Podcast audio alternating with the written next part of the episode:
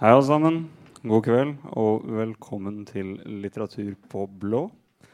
Eh, I kveld så skal vi snakke om boka som på norsk heter 'Innleid og underbetalt' av James Bloodworth, eh, som eh, tar for seg hans tid som undercover i en rekke lavtlønnede og ganske dårlige yrker i England over en lengre periode. Uh, og det den boka vel uh, går inn for å påvise, er én hvordan disse arbeidsforholdene er på kanten til katastrofale, og to hvordan det er resultatet av en lengre økonomisk utviklingsprosess. Som jeg regner med vi vil gå inn i i dag. Med oss uh, til å prate har vi maler, historiker og skribent Jonas Bals og samfunnsøkonom Ebba Boje. Og da overlater jeg egentlig ordet til dere så fort jeg får sagt at samtalen vil vare i omtrent 50 minutter. Pluss-minus. Uh, deretter er det rom for spørsmål. Så bare tenk. Takk. Tusen takk.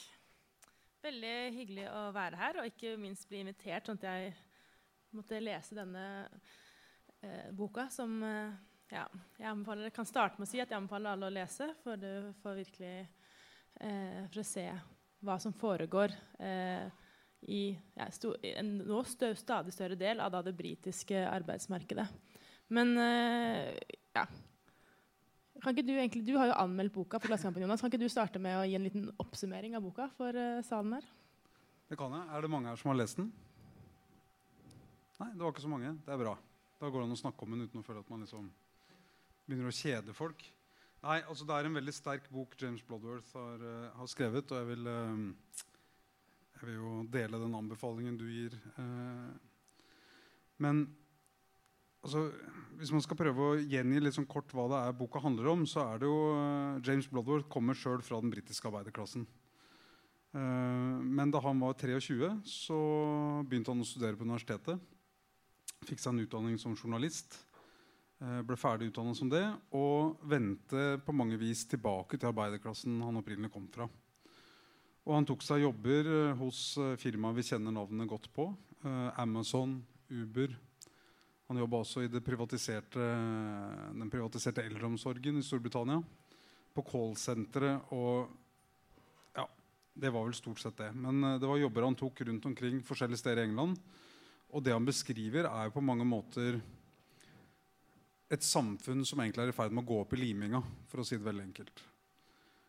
Og Han beskriver først og fremst arbeidsforholdet på de jobbene han har hatt. Men det som kanskje er litt spesielt med boka hans, og som i hvert fall delvis skiller han også fra tidligere sånne skildringer som vi har sett da. Eh, Gynter Wallraff hadde jo skildringer av arbeidslivet i Tyskland for noen tiår siden. Eh, Lotta Elstad har jo skrevet om hotellbransjen her i Oslo. Eh, for 100 år siden skrev Louis Sinclair om forholdet i slaktebransjen i Chicago osv. James Bloodworth har jo gått litt dypere inn i det. Han har jo ikke bare jobba på disse arbeidsplassene, men også bodd sammen med folka som jobber der. Eh, delt liv med dem, kort fortalt. Og det man får et veldig sterkt inntrykk av gjennom det, er jo hvordan disse elendige arbeidsforholdene som sprer seg ikke bare i det britiske arbeidslivet, men i det europeiske, og delvis dessverre også i det norske, det får jo veldig store ringvirkninger for samfunnet rundt. Og det syns han klarer å skildre på en veldig veldig god måte. Og så kan vi sikkert komme litt tilbake til hva det egentlig er han har opplevd eh, ja, på disse jobbene han har vært òg. Mm. Ja, det er altså samfunnet rundt, da, og det blir skildra veldig fint. For disse, så hvor er det disse arbeidsplassene fins? Jo, det er jo veldig mange av de er jo tidligere eh, industribyer i Storbritannia. Hvor du har veldig mye du har hatt, det, vært, det er blitt en by et sted fordi det har vært eh, kullindustri, stålindustri, eh, arbeidsplasser som er eh, kjennetegnet av måte, de har måte, vært stabile arbeidsplasser. For de som har jobbet der, har i stor grad hatt måte, en, en, full stilling, og du har vært fagorganisert. Eh, og det har, det, han beskriver hvordan det har ført til måte, et, eh, et, et, et, samhold og en, øh, kanskje en stolthet. da blant de som jobber der. Eh, og det å da beskrive da, Ettersom de industriene gradvis har blitt lagt ned, og så har det da vært arbeidsledighet, og så er det det som kommer isteden og tar over de gamle lagerhallene. At det er type f.eks. Amazon. da. Eh, og, det, eh, og hvordan det er en sånn grunnleggende annen måte eh, å organisere en arbeidsplass på. Da. Mm. Samtidig synes jeg han, han, går ikke i den fella at han romantiserer fortida. Og det er veldig fint. fordi han, noe av det han gjør når han uh, lever rundt i disse byene rundt om England og jobber på disse arbeidsplassene, er at han også går på pub. Og han går på de gamle arbeiderklubbene i de byene hvor de, uh, den type sosiale foreninger har overlevd. Og snakker mye med gamle gruvearbeidere, f.eks. Og det er jo helt klart veldig mye som har blitt bedre siden den gang. Altså HMS-forholdet, helse, miljø og sikkerhet, i de gamle gruvene var elendig. Folk daua, og det var, særlig de private gruvene var det virkelig, eh, virkelig ikke bra. Men det som er nytt, og som man får fram på en veldig bra måte, det er jo at den gangen så var det likevel et samhold, og det var knytta en anseelse til disse jobbene. Og sånn som Han intervjuer en av disse Uber-sjåførkollegaene sine som kjører ja, det vi kaller pirattaxi i Oslo, da, men uh, som er fullt legalisert i England. Intervjuer han om hvordan det er å kjøre rundt med uh, London-folk på oppdrag i, til alle døgnets tider. Og han sier at sant, når lønna di er så lav som Uber har satt den til å være, så gjør det også noe med hvordan folk ser på det. Så han sier at Det er det egentlig det verste. En ting er at lønna er lav, og at du må jobbe mye for å få endene til å møtes. Men det gjør også at folk ser ned på det. Og han sier det verste er å sitte i den bilen, og så kommer det inn folk og setter seg i baksetet og føler at de kan kommandere meg.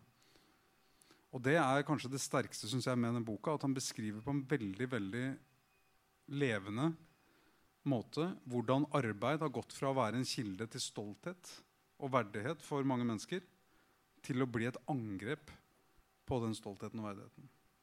Og spesielt da i eh, Amazon. Eh, altså, hva, hva, betyr det å jobbe da i en gigantisk lagerhall hvor det jobber tusenvis av mennesker ute på bygda?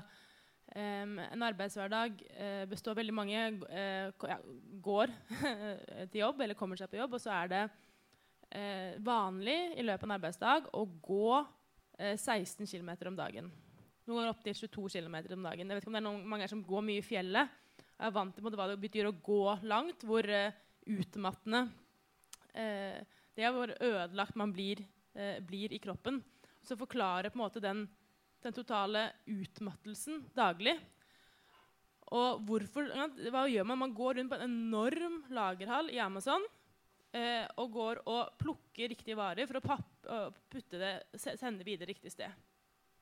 Og det som er vanskelig når man, når man leser den boka, og ser fortsatt det, er mennesker som bare går og går og går for å hente en vare og gå tilbake og putte den riktig sted. Eh, at det lønner seg gjøre, at det lønner seg å gjøre det her som, med menneskekraft. Da. At, hvis du leser boka, så tenker du men hvorfor får de ikke scootere? Han fant ikke sånn sparkesykkel gjennom ballene. Men jeg ser for meg at det, er kanskje det er en investering da, som en, eller annen arbeidsgiver har tenkt at det lønner seg ikke. Eh, må, jeg, må, jeg, tenke at det er mm. Og hvorfor det? Jo, det er en måte når arbeidskraften blir så billig, når det koster så lite å ha folk på jobb, eh, at, bare, at, det rett og slett ikke lønner seg å effektivisere produksjonen på den måten. Da, for det, der må du gå og kjøpe de faktiske produksjonsmidlene som en sånn eh, ikke, Har du noe bedre analyse av hvorfor de ikke går på Nei, Jeg tror du er inne på noe der. Jeg har jo sett mye av det samme skje i min egen bransje. Jeg kommer opprinnelig fra byggebransjen i Oslo. Jeg er utdanna maler før jeg seinere tok en annen utdanning. Uh, men har jo jobba mye i byggebransjen gjennom fagforeningsarbeid etter det. Og har sett hvordan det vi ellers snakker om i arbeidslivet som robotisering og mekanisering, egentlig har vært en sånn nesten en motsatt prosess i deler av byggebransjen. Hvor vi har sett en avmekanisering fordi man har fått tilgang på så mye billig arbeidskraft at der hvor man før ville satt inn en heis, tatt inn en kran, en lift, andre tekniske hjelpemidler, så bruker man nå armer, bein og rygger til å få tinga på plass. Og det er jo ikke bra for de menneskene som gjør det, og så er det veldig veldig lite bra for produktiviteten. Men øh, for profitten så kan det eh, merkverdig og paradoksalt nok allikevel være en slags mening i det. Uh, og så er det en annen ting som jeg syns er fordi dette er noe vi, altså Hvis man skal prøve å sette merkelapper på dette, så kan man kanskje kalle det en slags sånn hyperkapitalisme. Og det som er interessant, er at denne formen for sånn hyperkapitalisme tar i bruk veldig mange sånne virkemidler fra den gamle sovjetkommunismen. Amazons store lagerhaller de kalles ikke arbeidsplasser. De kalles fulfillment centers. Det er ikke lov å kalle hverandre sjefer og ansatte. Ikke engang Jeff Bezos, som er verdens rikeste mann, og som tjener eh, ja, like mye i løpet av et minutt. Han tjener mer på et minutt enn det arbeiderne hans gjør i løpet av eh, hele yrkeskarrieren sin. Det tror jeg var siste tallene fra, jeg hørte fra Bernie Sanders. Det er, det er helt sånn absurd store klasseforskjeller det er snakk om. Allikevel 134 milliarder i formue har han nå. Ja. Ja. Mm. Nettopp. Dollar. Ja. Nei, og Allikevel så er det da ikke lov å omtale han som sjef. eller noe sånt. Han er altså en medarbeider på lik linje med alle de som jobber i disse lagerhallene. Og inni disse hallene så fins det svære, og det er kanskje det som minner mest om gamle Sovjet-løgnapparatet. Så finner du sånne svære plakater og sånne pappfigurer i menneskestørrelse med snakkebobler hvor det står sånn Vi gleder oss til å gå på jobb hver dag. Og Her er er alt minst, bra. jeg savner å være på jobb når jeg ikke er her. Ja. på en av plakatene.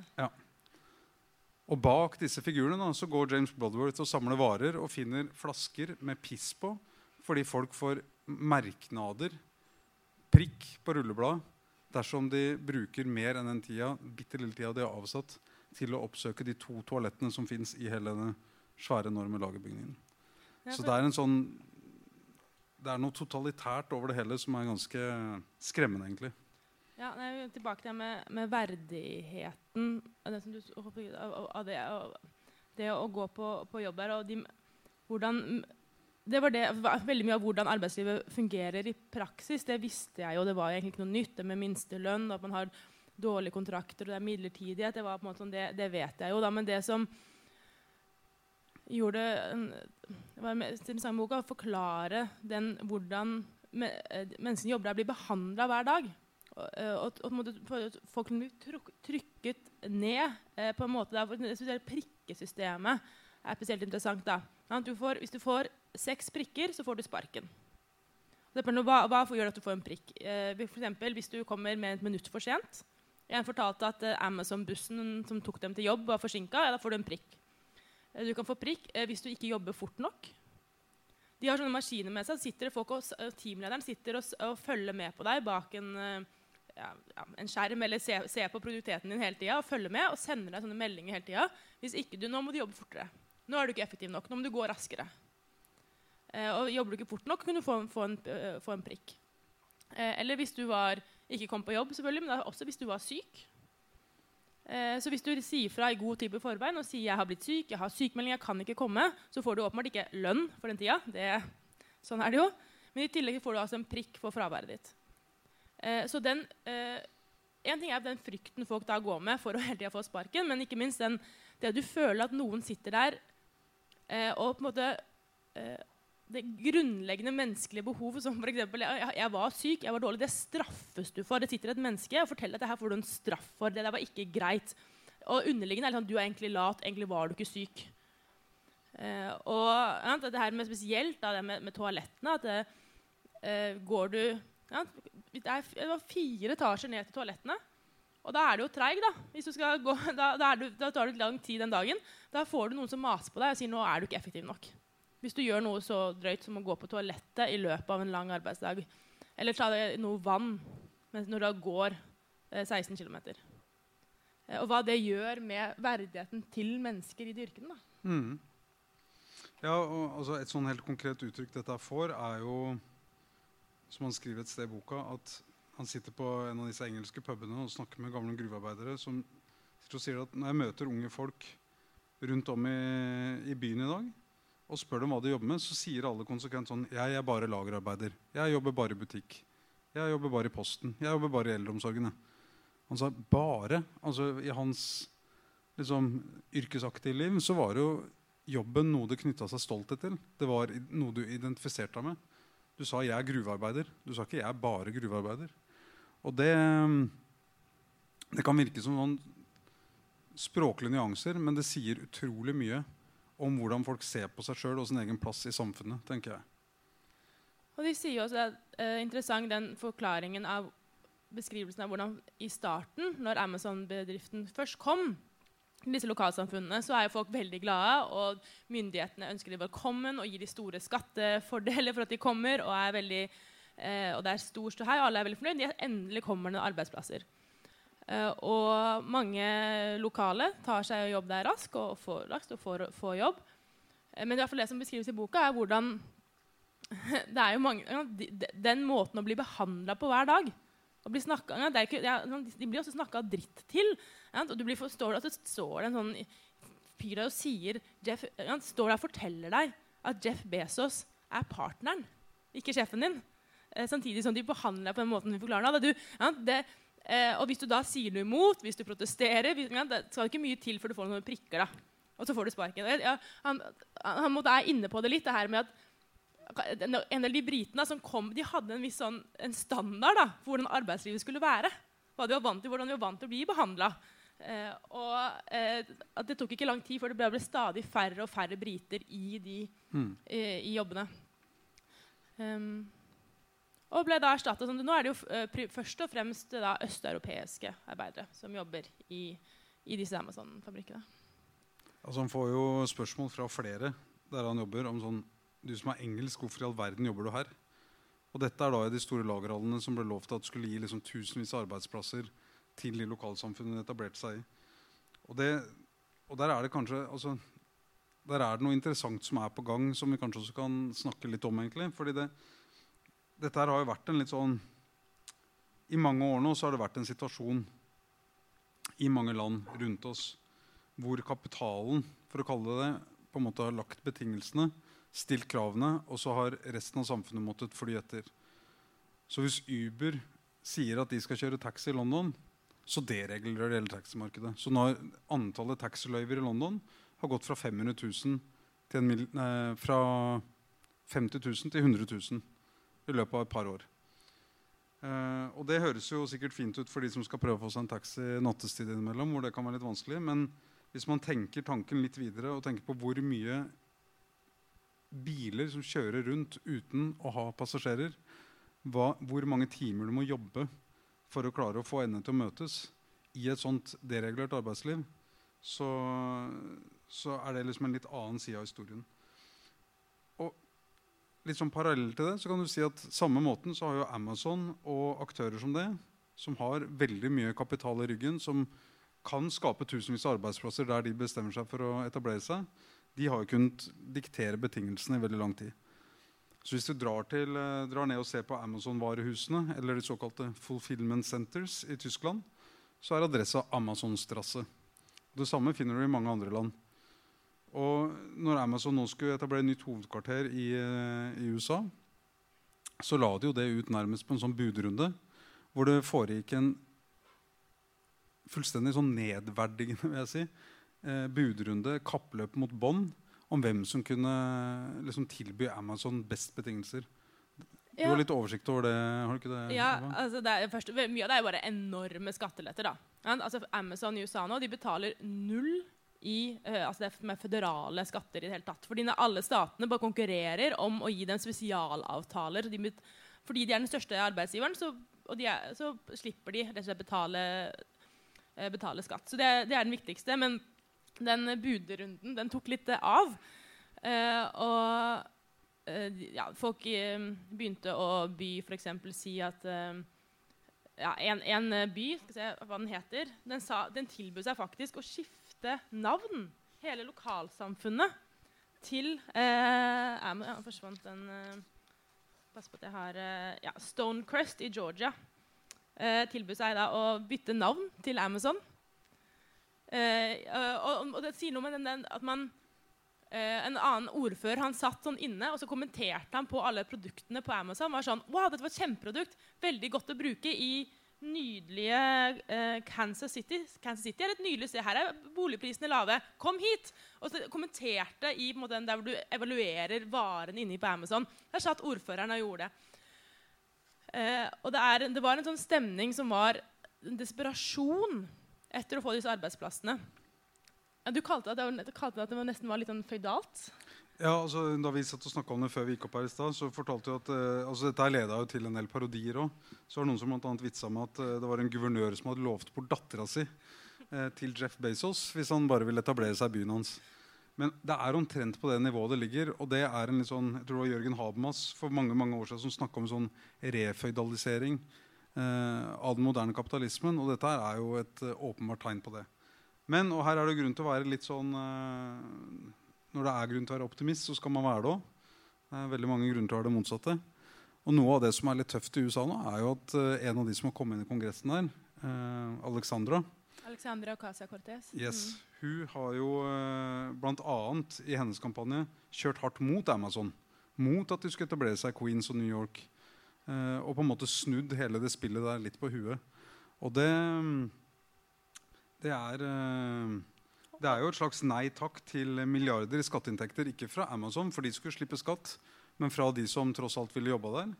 Og det er en, eh, men det er en ganske sånn klar styrkemarkering om at politikken kanskje allikevel også kan si takk, men nei takk. Ja, for de vant, altså. da. Eh, Amazon eh, Det, det starta jo med at Bill de Blasio, ordføreren i New York, han lovet jeg glemte at han lovet at han skulle farge Empire State Building. Det er sånn, alt sånn fargekoder som alltid feirer. Eller annet, det er pride, og det er et eller annet som feires. Han lovet at eh, jo, han skulle, få, skulle feire eh, Eller han gjorde det. Se, i dag er tårnet oransje for Amazon. Eh, og det var Starten gikk hardt ut, da, men det var så massiv motstand ute i Queens, der hvor det skulle bygges. Og de vant til slutt med heftige demonstrasjoner. Så jeg er enig i at, det, det, at folk, sier, folk, i lokalsamfunnet begynner å se, si tydelig fra at det er ikke denne typen arbeidsplasser Mm. vi vil ha. Det er ikke dette samfunnet vi, vi vil leve i. da. Så er det selvsagt lettere i New York enn det er en del andre eh, deindustrielle stater eh, rundt om i USA. Men det sier noe om at sant, det som lagde en bevegelse mot Amazon, på dette, det var delvis at man skjønte at det kom til å føre til et press på boligprisene. Det var delvis at de så at Amazon nekter sine over 500 000 ansatte i USA å organisere seg. Og dersom det kom til å bli fremma krav om at de ansatte skulle få organisere seg en fagforening, så var Amazon veldig åpne i høringene de arrangerte på at det kom de ikke til å akseptere. Og så var det dette med tap av skatteinntekter. Og i veldig mange år så har de tre tinga der egentlig bare blitt tatt som for gitt. Markedet styrer, politikken abdiserer. Nå er det i hvert fall sånn delvis snudd på huet. og det er en ganske sånn, du kan si det er en liten seier i en by som er litt spesiell og har noen spesielle forutsetninger. Men jeg håper jo og tror at dette her kan markere ett av flere vannskiller i litt sånn eh, At vi begynner å snu den eh, maktbalansen til vår fordel igjen. da. Ja, men altså, den, den boka her handler om arbeidsforholdene i en lagerhall i, i Amazon. Eh, men altså, andre siden av dette er jo kundene som skal ha disse produktene. Og da må jeg si, si jeg bodde en del i New York, da. Og det, altså, Amazon er svært godt likt. Det er, det er fascinerende å se hvordan amerikanske eh, amerikanerne har vent seg til å bruke Amazon som der de handler. Så jeg kjenner folk der som får en pakke fra Amazon på døra hver dag. De bare bestiller alt de trenger til matvarer. Alt, alt de trenger, kommer fra en pakke fra, fra Amazon. Og de forventer at det skal leveres eh, dagen etter. Og det er veldig eh, populært, og det er billig. Og jeg synes Det er interessant, for det sier noe om måtte, retning økonomien vår er. og hva, det har å si for hvordan økonomien vår fungerer. Der hvor det ønsket om å få veldig lett tilgjengelige, billige eh, varer som er produsert gjerne et helt annet sted, eh, sendt fra veldig langt av gårde, eh, selskaper som ikke betaler skatt, ansatte som tjener så dårlig at de ender opp med å betale veldig lite skatt, eh, og midlertidige ansettelser som gjør at de lever At du på en måte Hva slags, hva slags ikke bare, En ting er hva slags samfunn man bygger, men ikke minst hva slags økonomi. Det er jo som jeg sa i sted, det er jo den, en type arbeidsplass, en type økonomi som er veldig lavproduktiv. Det er, det, er, det, er, nesten alt det, som foregår, ender opp som profitt i eierskapet. Og veldig lite av verdiene spres utover til resten av samfunnet ut, utenom at man får billige varer og tjenester. Eh, og når man ser på hele verdens eller historien til rike land, hvordan man har bygget seg opp, hvordan man har skapt vel, velstand og, og velferd, så er det jo ingen av de kjennetegnene. Det er nettopp på en måte, hele omvendte. Eh, at man gradvis har industrier som gradvis blir mer, og mer produktive. Sånn at arbeiderne kan få høyere og høyere lønn. Man, man har sk- skattlegger, man begynner å bygge opp velferdsstater. Det har bygd samfunnet oppover. Da. Så det er jo den, hele den samfunnstrenden som Amazon representerer. Da. Ehm, ja, det er den. Hmm. Så det er kanskje konsumenten da, en viktig rolle å spille på å tenke at er det egentlig der vi vil handle. Ja. Ja, nei, det, det kan dere jo tenke på neste gang dere skal ta taxi hjem òg. Det er eh, Altså, vi snakker jo ofte som om dette her er forhold vi på en måte ikke har i Norge. Og det tenker jeg kanskje er litt som for å dra boka litt over det norske forholdet. At, altså en ting er De som er taxisjåfører og som har unger på skolen med, der unga mine går, eller på uh, unger som trener på de samme tinga som unga mine trener på, de forteller jo om veldig mye av det samme. Ikke de som jobber for Oslo Taxi, nok, men stort sett de som jobber for andre selskaper i et ganske deregulert taximarked som vi har her i Oslo. De må jobbe ekstremt mye for å få endene så vidt til å møtes.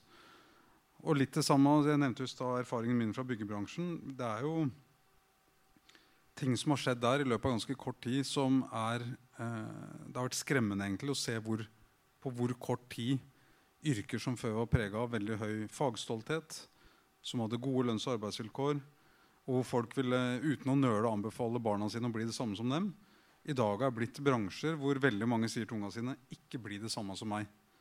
Den bransjen her er det ikke en framtid i.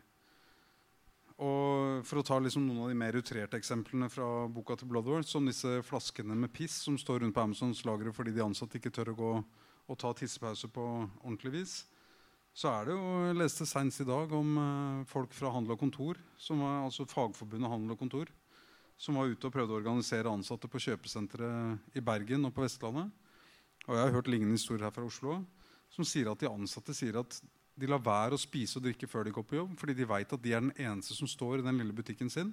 De har ingen mulighet til å stenge ned den sjappa i løpet av de åtte timene eller ni timene jeg er på jobb.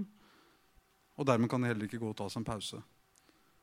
Så vi skal ikke slå oss veldig hardt på brystet heller på at dette her er noe vi er helt uberørt av. Det, det, er vi dessverre.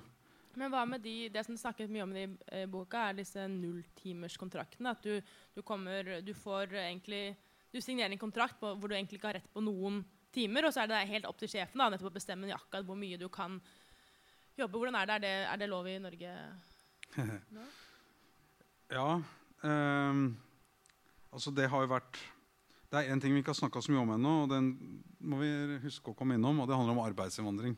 Men jeg skal ikke si så mye om det nå, bortsett fra at når jeg har forsøkt å organisere de som jobber i byggebransjen, og vært ute på byggeplasser, så har veldig mange av de som har vært her de siste årene, har vært polakker, litauere, rumenere og andre. Nesten ingen av dem har jobba i ordinære produksjonsbedrifter. En tømrerbedrift, en malerbedrift, en murbedrift. Nesten alle sammen har jobba i bemanningsselskap.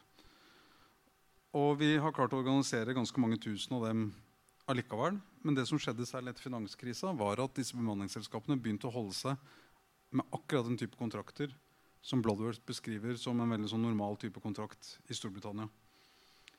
Og det har Vi jo egentlig jobbet, vi jobba nok altfor lenge vil jeg si, i fagbevegelsen med å prøve å ta det der juridisk. Prøve å finne folk som var villige og turte å stå fram mot arbeidsgiveren sin i en rettssal, så vi kunne få en slutt på det der. Det var veldig veldig vanskelig.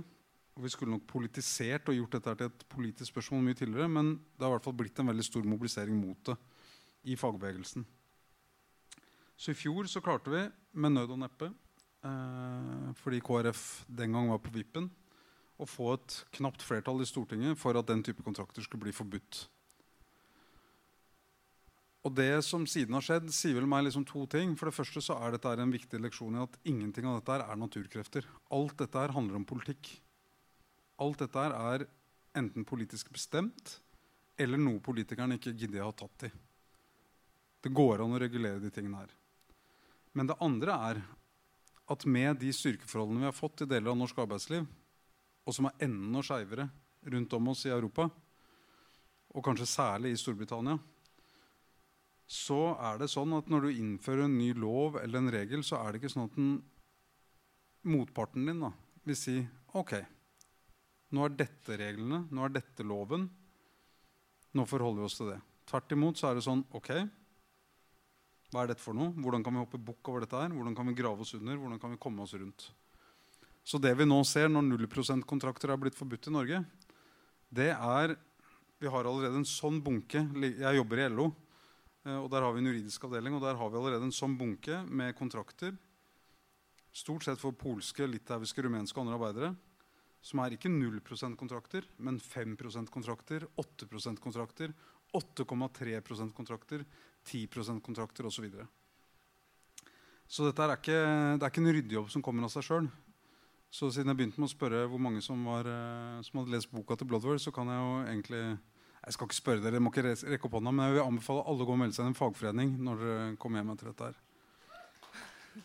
Jeg synes Det er interessant det du sier om at ja, det her er ikke en prosess som skjer av seg selv. Det er litt viktig. Det er så lett å føle at det er en sånn naturkrefter som kommer over oss, men de store selskapene med Amazon som bare kommer inn og tar over og behandler folk dårlig, og vi kan måtte ikke stå imot det. da. Og det eh, syns jeg boka får fram måte, hvordan eh, altså, det, det, er det, er det, er mye riktigere å se på helt konkrete politiske avgjørelser som er blitt tatt av politikere som gjør dette mulig.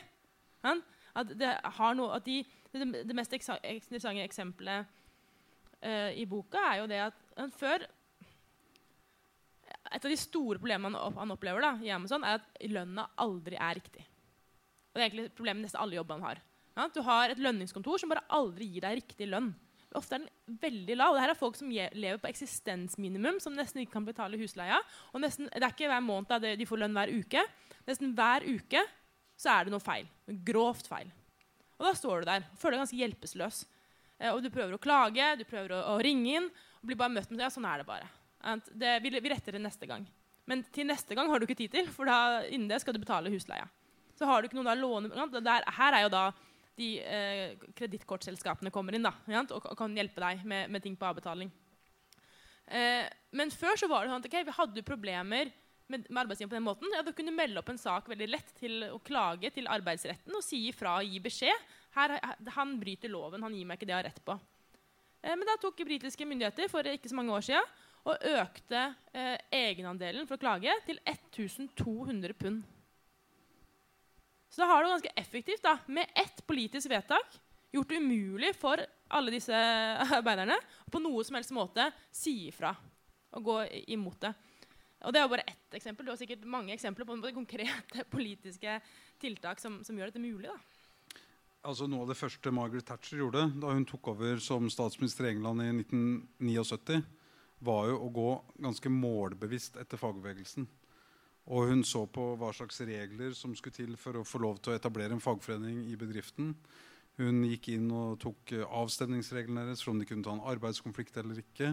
Og så videre, og så videre. Det er mange mange eksempler på det. Og Noe av den samme bevegelsen har vi jo sett i USA, hvor Reagan satte i gang veldig mye av det samme rundt 1980. Eh, men dessverre også i veldig mange europeiske land. Og dessverre må jeg si, også under regjeringer som man skulle forventa noe helt helt annet av. Deriblant også noen sosialdemokratiske regjeringer. Så, så, det er nå det. Men jeg tenker at eh, mye av dette her er avhengig av politikere som gjør de rette tinga. Men eh, veldig mye av dette er avhengig også av at eh, de som er ansatte, organiserer seg. Og så er det avhengig av at fagbevegelsen på en måte følger med i tida og eh, organiserer de gruppene som fins i dette nye arbeidslivet som vi har fått. Da. Og det, det tenker jeg jo er jo en eh, eh, Skal man si det er en litt sånn dobbel utfordring som både går til fagbevegelsen sjøl, men også til mange som jeg tenker at kanskje tradisjonelt har tenkt på seg som en litt sånn eh, Ikke som en del av arbeiderklassen nødvendigvis, og ikke som en naturlig del av fagbevegelsen. Og grunnen til at jeg sier det, er at jeg ser jo alderen på stort sett dere som sitter i salen. og Det har pågått en veldig interessant arbeidskonflikt eh, her i Oslo nå siste ukene. På Godt Brød oppe i Nydalen. Eh, hvor de ansatte har organisert seg og klart å kjempe fram en tariffavtale. Etter mye tålmodig organisasjonsarbeid og til slutt en arbeidskonflikt når ting ble satt på spissen. Ofte blir det ikke så dramatisk, men det blei det i det tilfellet der. Mange av de som jobba der, har ikke tenkt å jobbe i det bakeriet resten av livet sitt. Men allikevel så har de meldt seg inn og stått i en konflikt og sørga for at det har kommet en tariffavtale på plass der Litt for sin egen del, men også for de som skal inn og jobbe der etter dem. Og Det tenker jeg blir mer og mer viktig både for fagbevegelsen og for dere som er unge arbeidstakere, selv om dere bare er innom et sted. Om det er en restaurant eller en pub eller en butikk. eller hva det er. At man liksom kanskje tenker at ok, jeg skal kanskje ikke være her for alltid, men den tida jeg er her, den skal jeg bidra til å bygge noe. Og i hvert fall sørge for at den type forslumming av arbeidslivet som vi ser bre om seg så mange steder, den skal jeg være med på å stoppe og reversere og forhindre. Ja, det var en liten appell, ja, nesten. Ja, det, det, det, var veldig passende. Og, bra du er litt løsesortert, for nå skal jeg tilbake og være litt, eh, litt negativ igjen. da. Um, fordi det som jeg, slo meg um, Apropos det, kan jeg få en øl til? um, det, det, som slo meg mest, var jo på den, den desperasjonen eh, som mange mennesker hadde på, altså, åpenbart, som alle, disse, alle aktørene rundt her hadde, eh, og hvor avhengig åpenbart de var av å ha denne jobben, nesten uavhengig av eh, hvordan de ble behandla, hvor lav lønna, var. Og Det er det som måtte, gjorde det så vanskelig i disse tilfellene. Og fagorganisert. Det var mye snakk om at det er ikke folk fagorganisert, men det er vanskelig. Som de sier jo rett ut, da, sjefene i Amazon. De sier det. Eh, ja, det er noen De, de, de fleste Det er bare noen veldig få de som starter, som får lov å fortsette etter å jobbe der i ni måneder. Eh, og det sier de, det, er, det her er en midlertidig jobb. sier de. Det er en jobb, det er hardt å jobbe mer enn du er Nesten ingen får lov å jobbe mer enn ni måneder. Eh, men det er noen som klarer det. Men husk det. Det står alltid 100 stykker utafor og er klare til å ta jobben din. Og det gikk igjen i hele boka. som en sånn, at De sier det, og de vet det. De vet hele tida at for hver jobb du søker, så er det alltid 100 stykker som søker på den samme jobben. Og hvis du klager, hvis du sier fra, eh, så kan du, kan, fordi du har en nulltimerskontrakt, så er det bare rett for, slett for dem ikke ringe deg tilbake. Og så står det med en gang 100 andre som kan få akkurat den jobben. Eh, og den eh, og hva, det er det som gjør, gjør det, det, er jo hele forutsetningen for at arbeidsgiverne kan behandle folk på den måten. Det, ikke, det, her, folk, folk, det, her, går jo mot folks natur å stå i noen som trykker ned på den måten, men de har ikke noe valg pga. dette. Og det minner meg veldig om en annen bok som jeg har lest om dagen, eh, nylig, som er The, Grapes of Wrath av John Steinbeck. Er det noen som har lest den? Ja, Den eh, anbefales virkelig. Og den beskriver jo akkurat det her, det samme fenomenet i USA i 1939. Hvor hundretusenvis av amerikanere i Midtvesten eh, blir utsatt for eh, tørke og sånn sandstormer og må begynne å flytte på seg. Og flytte mot, mot California. Og samtidig som de opplever denne tørken, så deler eh, Så kommer det overalt så fins det sånne løpesedler hvor det står sånn eh, Good jobs, nice wages. Eh, og liksom, det er en fokus på at her kan du få for å, plukke, for å plukke frukt i California. Uh, og, og, det er tydelig, eh, for De lover god, god, lønn, de lover at du får et hus. Du, de gir et inntrykk av at her kan du komme familien din og leve et godt, godt liv. Og alle som ser den løpeseddelen der, akkurat mistet hele levebrødet sitt. Ok, De tar med hele familien eh, på en bil og kjører av gårde vestover på Route 66 til California. Eh, men så viser det seg da, at det sto jo vi trenger 5000 eh, fruktplukkere. Men hvor mange eksemplarer var det trykket opp av den løpeseddelen? Kanskje 500 000. Så til slutt ender det med at nesten en million mennesker reiser bortover. Og mange av de ender opp i California. Eh, så for hver jobb så er det alltid 100-200-300 mennesker som er villige til å ta akkurat den samme jobben. Og boka forklarer så godt hvordan det presser ned selvfølgelig lønnsnivået, men også verdigheten. Og den forklarer hvordan folk blir måte, hundset rundt, og eh, ikke minst eh, all den rasismen, eller fremmedfiendtligheten mot Okis, eh, som de kalles, de som kommer, kommer fra, fra, Midtvesten der. Og den sterke fortellingen av hva, hva som skjer, om på en måte veldig mange det er, det er, to krefter. En ting er at folk må dra fordi det er fælt der de er. og det er den andre del, De blir fortalt at det finnes noe bedre. Kom hit, så får du en godt betalt jobb. Vi trenger arbeidskraften din. Vi. vi trenger at du kommer, vi trenger hjelp. Vær så snill og kom hit. Ja, og det er det folk gjør.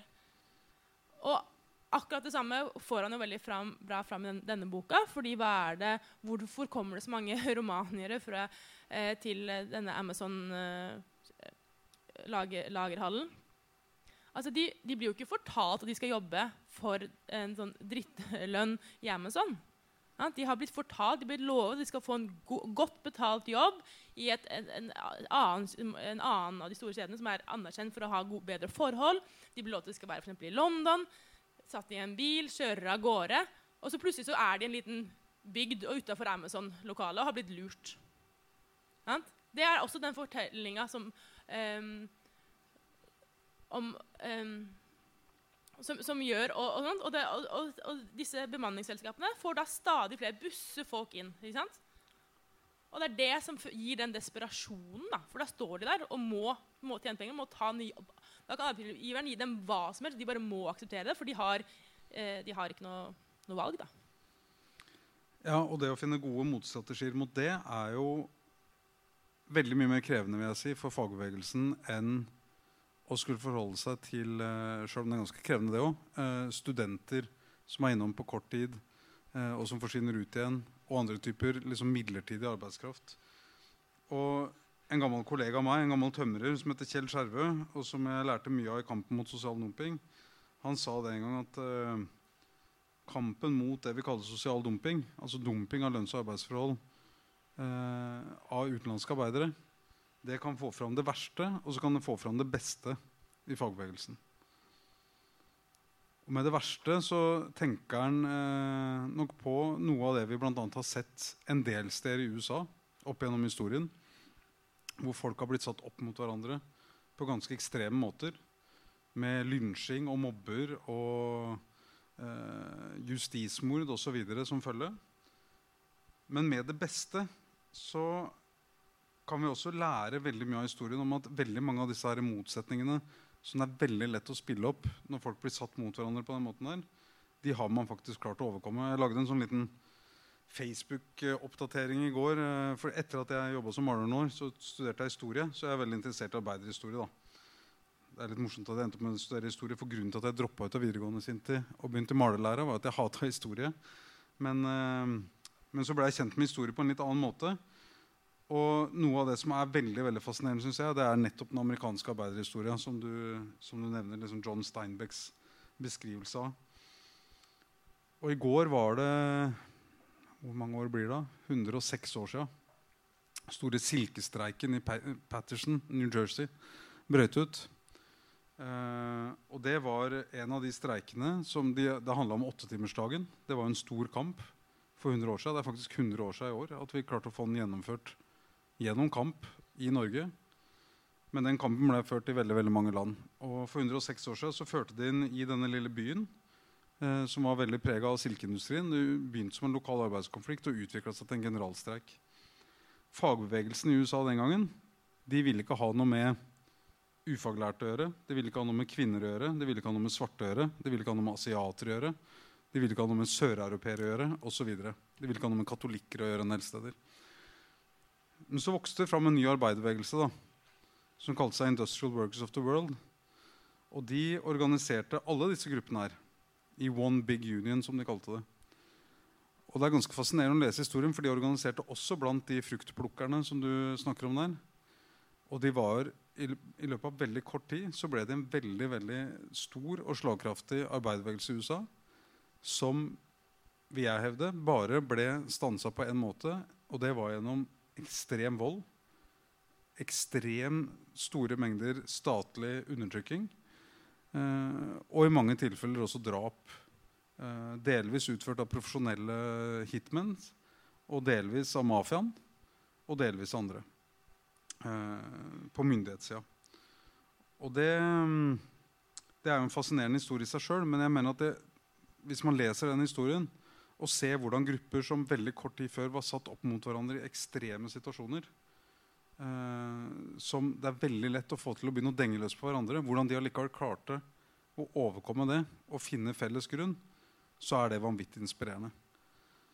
Og jeg tenker at Det er en sånn viktig lærdom for vår egen tid. For i dag så ser vi dessverre en del tendenser også for igjen å liksom trekke vekselen over til USA. Da, på at det som burde vært én bevegelse med ganske felles målsetninger, splittes opp, og folk settes mot hverandre. Og det, mm, det er ikke sånn at vi er fri for politikere som prøver på det samme her i Norge heller.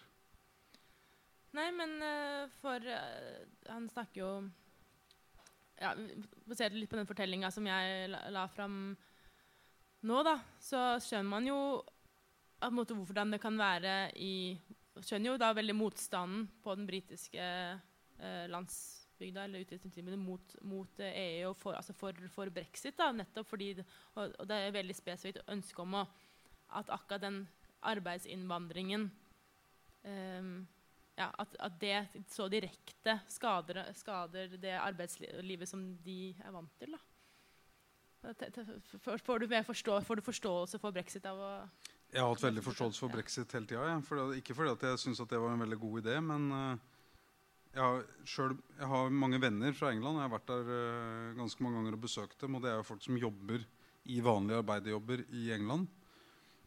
Og bare liksom hørt på og sett på uh, hvordan de har det. Og uh, opplevd vel også den fortvilelsen de har hatt vil jeg si, over at det egentlig ikke virker som noen egentlig bryr seg om dette. her.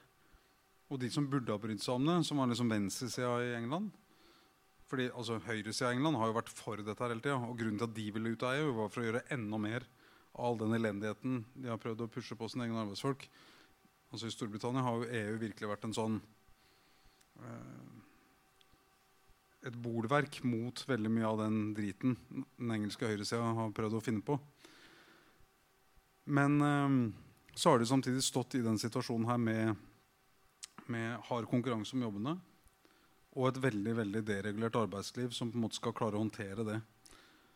Og altså Fortvilelsen deres over at det liksom ikke fins noen som tar disse problemene på alvor, eh, har gjort at mange av dem har eh, eh, hatt et behov for å si ifra på en eller annen måte. Og den folkeavstemninga som da eh, kom, ble jo også en måte å si ifra om det på. Og for mange til sånn, Ikke fordi de var dumme eller fordi de tenkte at dette her var liksom uh, at de ikke skjønte hva det gikk ut på, men at nå var det endelig mulighet til å kanskje påvirke en beslutning som faktisk kom til å ha noe å si for de hverdagslivene de lever.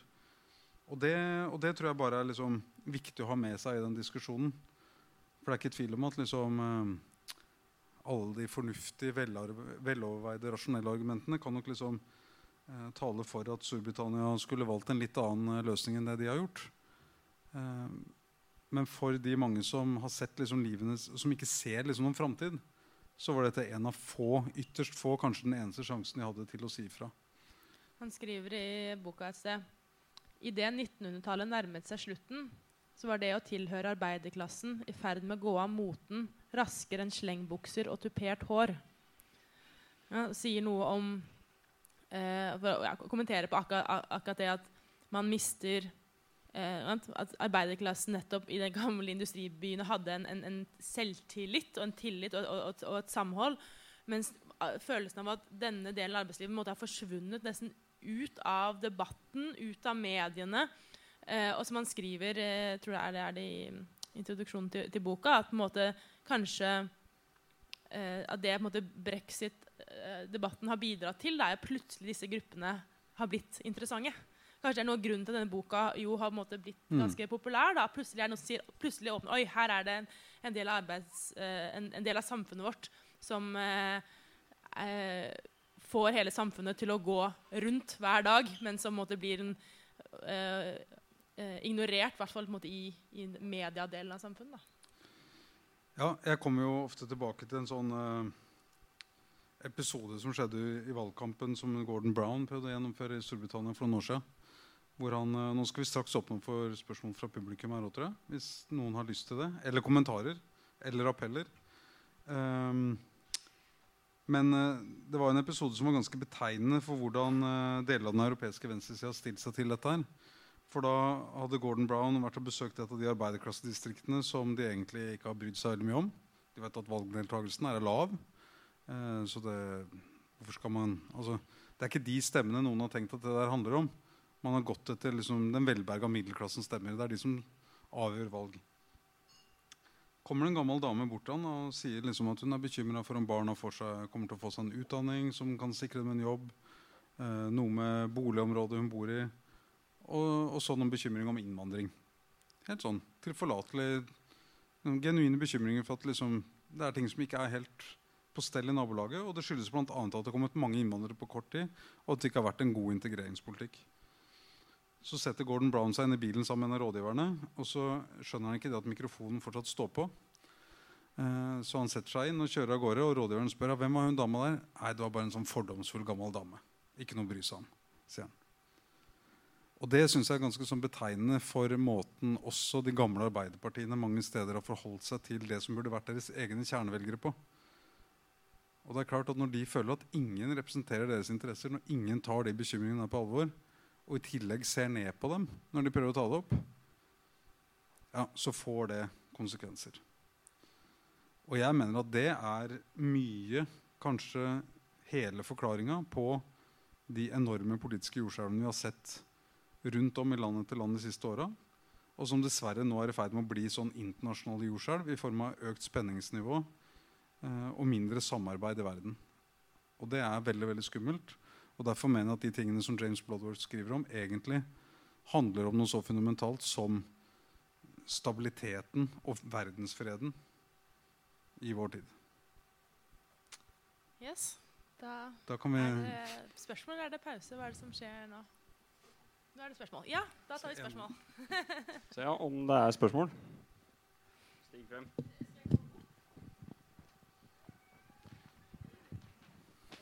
Oi, ja, jeg kan gjerne stå her. Um, nei, jeg tenkte litt på under samtalen at sånn etter man har lest litt om arbeidsforhold i eh, Qatar, kan man som samfunnsbevisst menneske rettferdiggjøre å se på fotball-VM, f.eks.?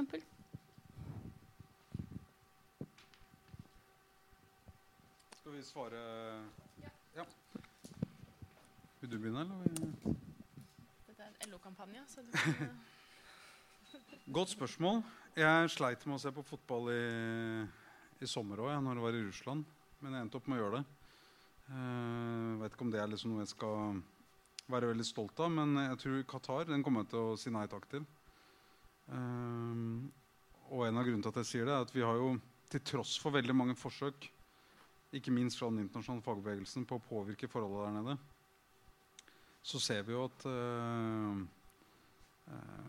det har nok blitt litt bedre på ak akkurat de anlegga som i hvert fall noen av dem som blir bygd til dette internasjonale mesterskapet.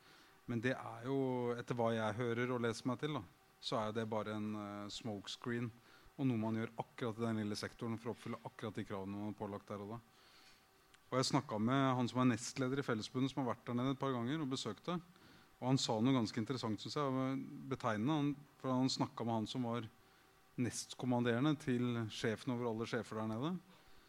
Eh, og som hadde sittet og hørt på de europeiske fagforeningsfolka forklare hvordan det kunne være bra for et samfunn at, eh, at man lot arbeiderne organisere seg.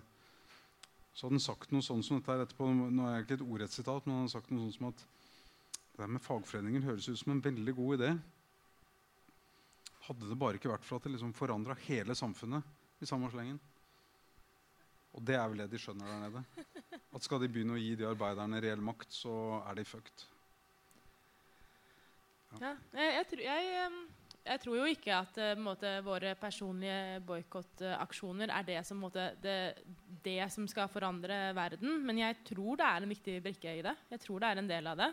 Um, og eh, det at man bør eh, i, man, i, den grad man kan, f.eks. prøve å unngå å bruke Uber og Amazon også, vil jeg, vil jeg si. Um, de, og ikke minst måtte gå inn og klage på Facebook-sider og de, de, de type tingene. Det er små ting. Vil, altså, det aller viktigste du gjør, er å melde deg inn i LO. uh, og stemme ved valg uh, på de partiene som bryr seg. Det er, det, er, det er på system at man virkelig kan endre ting. Uh, men jeg, jeg, sånn jeg ser på Vi, alle mennesker, har altså Samfunnet er jo gjort opp at vi alle gjør individuelle handlinger hele tida. Eh, og det er klart vi har et ansvar for alt det vi gjør, alle de små valgene vi tar, og hvordan vi påvirker samfunnet rundt oss. Og det at mennesker Vi kan ikke bare akseptere eh, at mennesker blir eh, grovt eh, utnyttet på andre sida. Og så er det veldig vanskelig i praksis, fordi hva gjør man? Det føles ofte som samme hva man kjøper, samme hva man gjør. Alt er på en måte dårlig. da. Men da tenker jeg at det, det hjelper faktisk det å ta i hvert fall de verste. De aller verste, som f.eks. fotball-VM i Qatar. og si sånn, Der går grensen. Og, si, og da sender en veldig sterke signaler på at dette bryr vi oss faktisk om. Det er ikke, det er ikke greit. da. Hei, jeg heter Sofia Arana. Eh, jeg har ikke et spørsmål eh, per se, men jeg vil bare fortelle litt om norsk luftfart. Og hvor eh, til helvete det har gått de siste 15 årene. Da. Jeg jobber i SAS. Jeg er også tillitsvalgt. Og det er sånn at i jobben min eh, så er eh, Hvor skal jeg begynne, egentlig? Det, eh, av eh, at billettene på pri, pri, Priser på flybilletter har blitt dumpa såpass langt ned, så har det gått utover arbeidsvilkårene våre. Og da jeg begynte å fly, så hadde vi blant de beste arbeidsvilkårene i, i kabinen, i hvert fall, i, i verden. Bare USA hadde kanskje ja, Nei, USA var egentlig en skrekkhistorie. Nå har det blitt motsatt. Nå har det blitt så ille i Europa at uh, mine kolleger kommer ikke inn på boligmarkedet. Jeg har vært der i nesten vært der i 13 år snart, så jeg er på en lønnsskala som fortsatt er ganske anstendig. Eh, men så er det sånn at eh, nå eh, går firmaet så det griner. Eh, men allikevel eh, Ledelsen gir seg selv høyere lønninger og bonuser osv. osv. Men vi føler oss jeg er også tillitsvalgt, og vi føler oss veldig veldig maktesløse eh, i møte med ledelsen. Fordi det er brudd på tariffavtalen hele tiden, ukentlig. De setter også arbeidsgrupper opp mot hverandre. Nå eh, leverte SAS et det, det, det, her må de ikke si til uh, sjefene mine. Men nei, nå leverte SAS et eh, resultat som var så bra. Og så sier de at de skal utbetale bonuser til de ansatte så fremt at det ikke er noe som skjer som uh, vil gå utover inntjeningen i 2019. Og nå er det sånn at pilotene skal i forhandlinger i neste måned. Så det er en sånn der taktikk de bruker for at vi skal bli sure på pilotene hvis de krever noe. Og så, så, så, begynner vi liksom å, å, krangle oss imellom. ikke sant? Så Vi har jo selvfølgelig sagt at de kan heller donere de pengene til UNICEF. Fordi ordna arbeidsforhold på sikt er mye viktigere. Så har du noen tips til hvordan vi kan møte det her? Spør du meg? Ja, eller deg også. Eller den som på en måte vil svare. Jeg har ikke noe tips, men hvis du tenker på tips, så kan jeg si litt om eh, det som Det her er ut Uh, ja, for den samfunnsøkonomien, da, hva, hva, det er et uttrykk for. Uh, tenker jeg som i hvert fall gjennomsyrer jeg, altså jeg leder organisasjonen Rethinking Economics eh, Norge. Vi jobber for å ha mer kritisk eh, diskusjon rundt økonomifaget. Endre økonomipensum, få nye teorier inn på pensum. Og eh, da eh, er det en, måte, en, av de tingene man som økonomistudent da, som blir veldig klart og tydelig, det er jo og egentlig samfunnsdebatten generelt, hvordan vi ser på økonomien vår, den troen på konkurranse og effektivitet. Eh, og den store, sterke troen på at det er måte, mest mulig konkurranse, er det som drar samfunnet fremover. Eh, og det er jo ikke noe jeg egentlig er prinsipielt altså det er jo, jeg, det er mye, jeg er ganske enig i det på veldig mange områder. Jeg tror konkurranse er en veldig viktig del av samfunnet vårt. Eh, men det er akkurat som i det som kjennetegner dagens økonomi, da, er at det har blitt målet. Ja? Konkurranse er alt. Mest mulig konkurranse på alle mulige områder. Det er det som drar samfunnet fremover. Eh, og, eh, og, da blir det på en måte det um, Ja.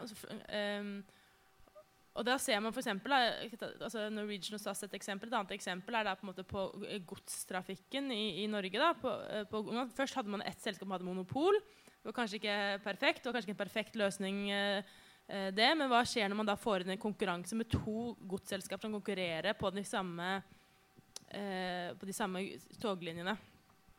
Eh, jo, da er det ingen av de som klarer å tjene noe penger. Og hva skjer når ingen av de klarer å tjene noe penger, og ingen av de går med overskudd? Ingen av de investerer noe mer i driften. Eh, og hele eh, tjenesten godstog blir dårligere og dårligere, dårligere.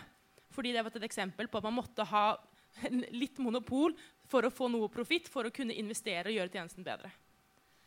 Eh, så står ikke her og sier at man aldri skal ha konkurranse, for det er ikke poenget. Men det er noe med at man må, må se, se, se an uh, saken. Og hvordan mest mulig, og da f.eks. På, på, på flytrafikk, da, eh, så tror jeg noe konkurranse er, er, bra. Men her ser du veldig tydelig hva er det man da konkurrerer på. Det er eh, mange ting, men det er jo bl.a. virkelig de ansattes arbeidsvilkår. Det er jo ikke det vi ser som konsumenter, men det er virkelig det de konkurrerer på. Og da blir det igjen det andre problemet med, med økonomifag, hvordan vi ser på økonomien vår i dag. At vi ser så grunnleggende på hva er menneskenes rolle i økonomien. Jo, menneskene, vi er konsumenter. Det viktigste for oss er alltid alle økonomimodellene å få eh, så billige varer og tjenester som mulig. Det er sånn man reiser, regner på et konsumentoverskudd. Og det er, det er det en økonom er opptatt av. Hvordan, hvordan kan konsumenten få det best mulig? Lavest pris. Eh, og hele bildet at konsumenten, nesten alle konsumentene er jo som regel også arbeidere. Så hvis alt det de gjør for konkurranse for å få billigst mulig varer og tjenester, så er det på hele tida på andre sida er det ja, hvordan får du billigere varer og tjenester. Det er jo hele tida ved å kutte kostnadene, kutte lønningene.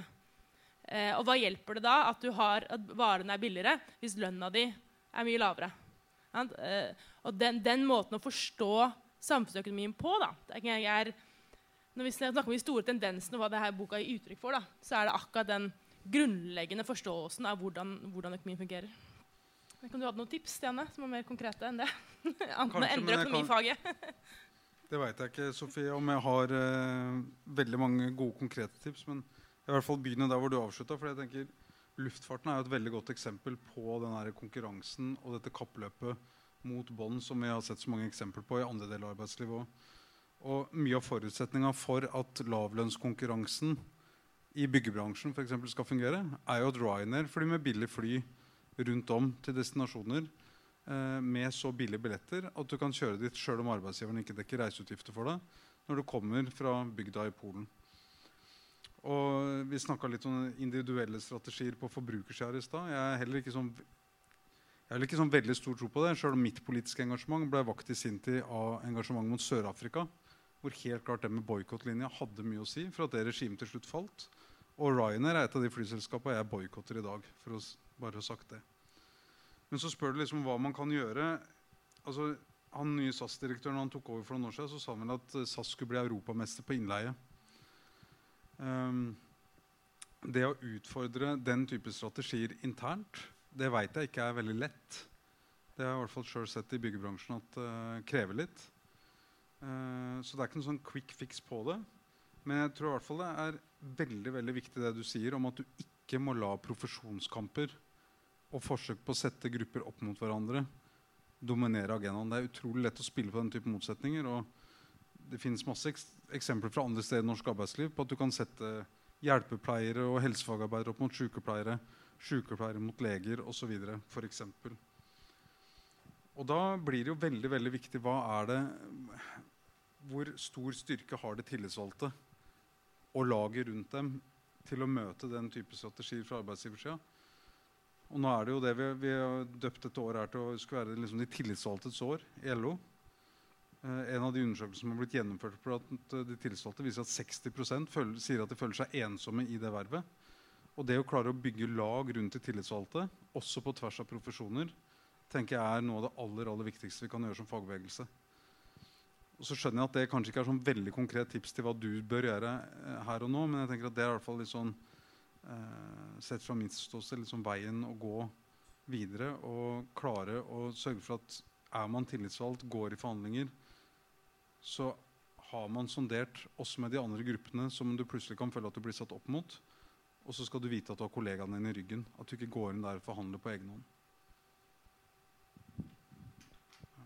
Neste. Ja, takk. Eh, jeg har en sånn blanding av et kommentar, spørsmål, rant. Men det er et spørsmål inni her, altså. Jeg, jeg tenker vil gå tilbake for temaet for boka, som er et ganske sånn interessant innblikk i sant, en sånn eh, fabrikk på en måte, som vi er vant til å høre om fra Kina eller tredje verden, eller, også, som, som, nå er eh, her i, i, vårt nabolag. Og så tenker jeg på altså, Jeg har vært en del i The Ronda Valley i Wales, som er en av det fattigste området i hele Vest-Europa. Der gruveindustrien er lagt ned, ingen har jobb. Det er jævlig deprimerende å være der.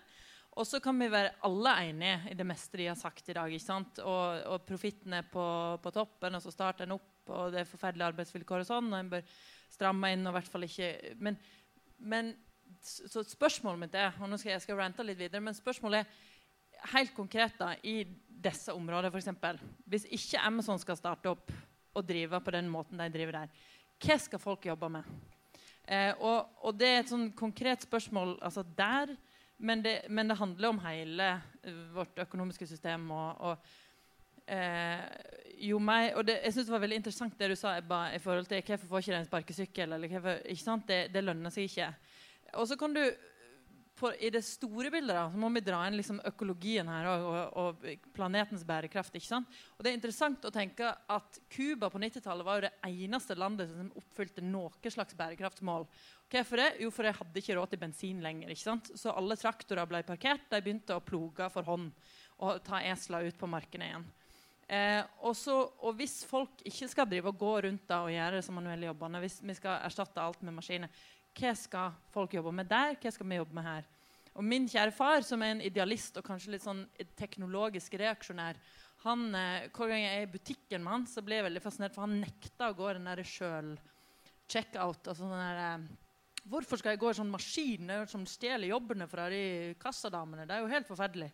Eh, og, og, sånn, og nå har jeg begynt å være litt sånn sjøl at jeg ikke liker å gå i maskinen, For jeg tenker, men hvis det ikke skal jobbe en person i kassen engang og Vi kan jo sikkert ha maskiner som setter alle varene på plass. Og det kan sikkert, maskinene kan produsere stort sett alle produkter.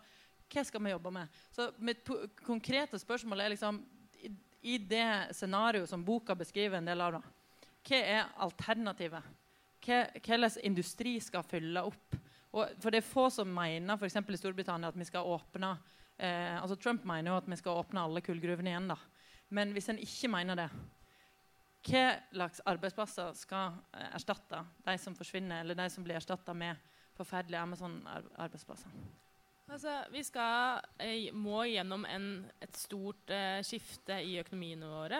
Eh, vi har en eh, klimakrise, en miljøkrise. Det er enormt mange uløste oppgaver. Altså, det, er jo, det, det, er jo det som eh, de nå i USA kaller 'the green new deal'.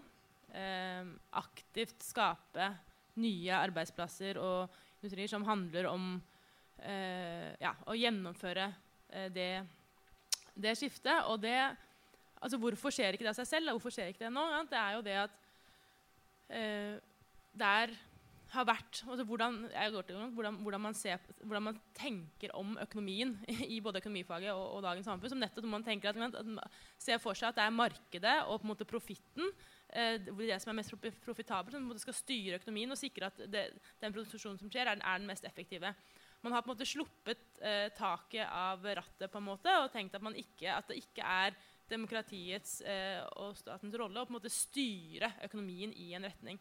Eh, og det er jo veldig synd, fordi hvordan man ser på hvordan er det vi bygget opp våre eh, økonomier. Ehm, og her, eh, ja, det var jo på en måte med å satse aktivt på noen industrier.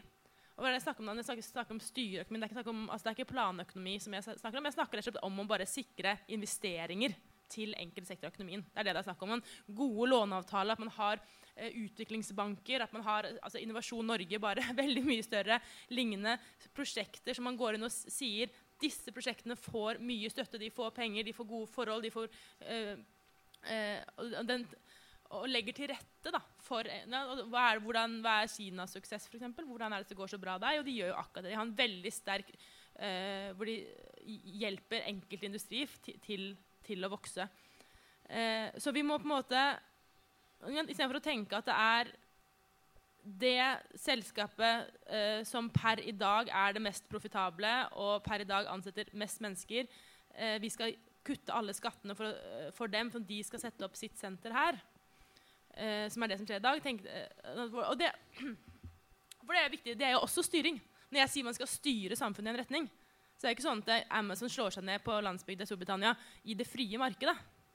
Det slår seg ned er nettopp fordi Storbritannia gjør alt de kan for å tilfå Amazon til å være akkurat der. Fordi Storbritannia mener at Amazon er nettopp fremtidens arbeidsplasser, og vi trenger det desperate på akkurat de arbeidsplassene og legger til rette. Så det jeg sier er på en måte at Den type, den type styring Det er ikke et fritt marked. Eh, økonomien styres, men må styres mer i en annen retning, som er nettopp arbeidsplasser som er mer produktive. Eh, som har, ikke er avhengig av billig Eh, arbeids, eh, bare, å kutte arbeidskostnadene mest mulig. Eh, men som f.eks. trenger å drive med opplæring av de ansatte. for man får en utvikling, for man får mer kunnskap. Man kan få etter hvert Alt det vi kjenner til, er hvordan man får historisk da, har fått mer og mer produktive industrier. Jeg tenker jo at uh det som først og fremst er utsatt for konkurranse fra roboter, for å kalle det det er jo ikke nødvendigvis så mange av de manuelle yrkene vi har i dag. Ofte så vil det være mer rutineprega kognitivt arbeid. Type regnskap, advokattjenester, lege. Det er mange sånne ting som Veldig mye av det arbeidet de gjør, vil kunne robotiseres. Og det i likhet med det arbeidet som robotiseres for de manuelle fagene, for å kalle det så vil jeg tenke at stort sett så dreier dette seg om eh, framskritt. Eh, måter vi kan gjøre ting på på en mer effektiv måte, som gjør at vi mennesker kan bruke tida på andre ting. Eh, og jeg tenker at Veldig mange av de tinga vi skal bruke tid på, det kommer til å fortsatt være prega av håndverk. eh, menneskelig samarbeid, ta vare på hverandre. Eldreomsorgen, sjøl om vi kan robotisere den, sikkert på et eller annet tidspunkt, så syns jeg ikke vi skal gjøre det. For det handler om menneskelig livskvalitet. Så en del av dette handler jo også om politiske valg da, i møte med teknologi. Og det jeg kanskje savner litt i de debattene her, er en litt sånn Det er vel litt det du også etterlyser, Ebba. er en litt sånn vilje og forståelse av at dette her handler om menneskelige valg når, ting, når alt kommer til alt. I hvert fall hvis vi ikke overlater alt til anonyme markedskrefter, men tenker at dette er politiske beslutninger som vi sammen må liksom finne ut av. Så, og ellers så vil jeg altså, bare sånn helt i forhold til de der arbeidsplassene du beskriver i Wales, så hva skal man si til Amazon når de ønsker å etablere seg? Nei, jeg syns man skal gjøre litt mer som de gjorde i New York. da. Hvor de sa sånn Ok, dere har lyst til å etablere dere her. Hvordan kommer dere til å forholde dere til at, det, eh, at de ansatte organiserer seg? Nei, det kommer vi til å motarbeide, sa Amazon. Svaret fra myndigheten i New York da var så ok, takk, men nei takk. Og det, Den tøffheten der syns jeg vi mangler. Men eh, jeg syns også den er i ferd med å komme tilbake til politikken. Etter et par tiår hvor den nærmest har abdisert. Og jeg mener det vi gjør i Oslo for nå, i bransjen min, da, byggebransjen, hvor vi begynte med dette her, men som vi nå liksom prøver å overføre også til helse- og omsorgstjenester, og sånn, det er å si til aktørene som skal inn og jobbe for det offentlige, og det er omtrent halvparten av markedet, så sier vi ok, vi skal ikke bare etterspørre billigst mulig pris, som ofte resulterer i veldig dårlig bygg og veldig dyrt på sikt. bare for å ha sagt det også. Nei, vi skal si skal du inn og gjøre jobb for oss, så skal du ha lærlinger. Du skal bruke fagarbeidere. Du skal ha egne ansatte istedenfor folk på løsarbeiderkontrakter osv. Det er politisk styring av markedskreftene, og det kan vi gjøre. Noen andre? Det ser ikke sånn ut. Eh, da gjenstår det vel bare å takke for samtalen og for spørsmålsbesvarelse. Takk i like måte. Ja, Tusen takk.